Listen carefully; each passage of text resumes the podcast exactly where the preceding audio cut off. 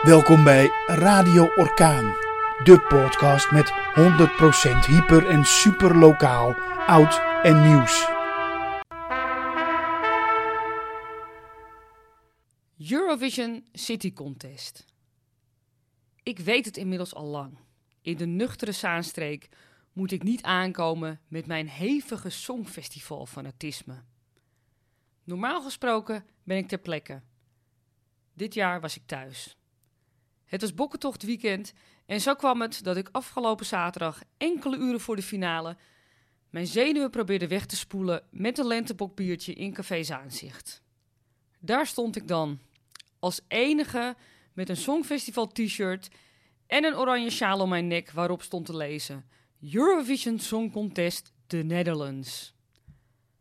Voor mij een nogal surrealistische ervaring als je bedenkt dat ik mij normaal gesproken om deze tijd van het jaar bevind onder een groep stuiterende en uitgedoste fans die niet kunnen wachten tot het hoogtepunt van het jaar begint.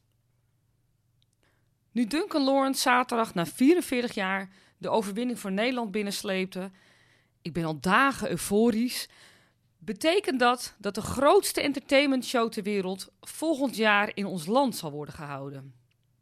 Het wedijveren tussen de grote steden zal begonnen. Wordt het Amsterdam, Rotterdam, Den Haag of Maastricht? Op de Facebookpagina Je bent een zaankanter als zag ik dat iemand gekscherend het Zaantheater opperde. Op RTV Noord-Holland gooide bekende zaankanter Erik Schaap het dorpshuis van Wormen in de aanbieding.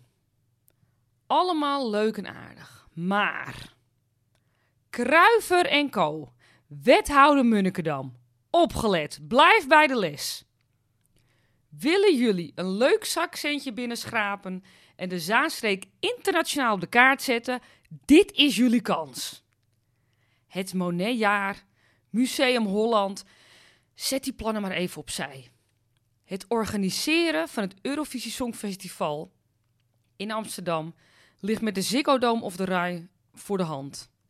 Maar waar moeten die duizenden Songfestivalfans, bijna 2000 journalisten en waarschijnlijk 43 delegaties slapen en eten wanneer onze hoofdstad al uitpeilt van het toerisme?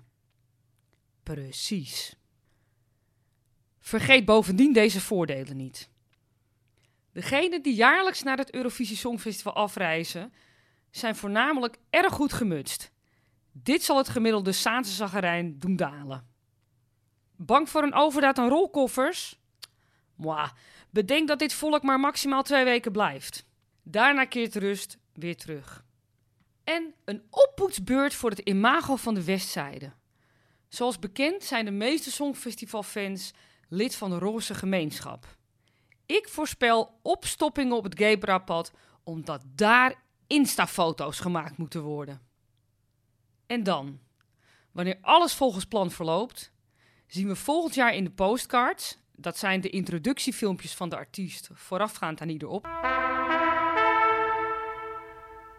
optreden, de zanger van Wit-Rusland zoeken naar de Zaanse schans over de Guisweg. Want nog steeds geen borden.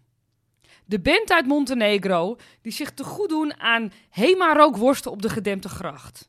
En de zangeres uit Spanje die zich drie slagen in de ronde shopt aan de Zaanbocht. En dat alles wordt dan gezien door meer dan 180 miljoen mensen wereldwijd. De natte droom van iedere city-marketeer.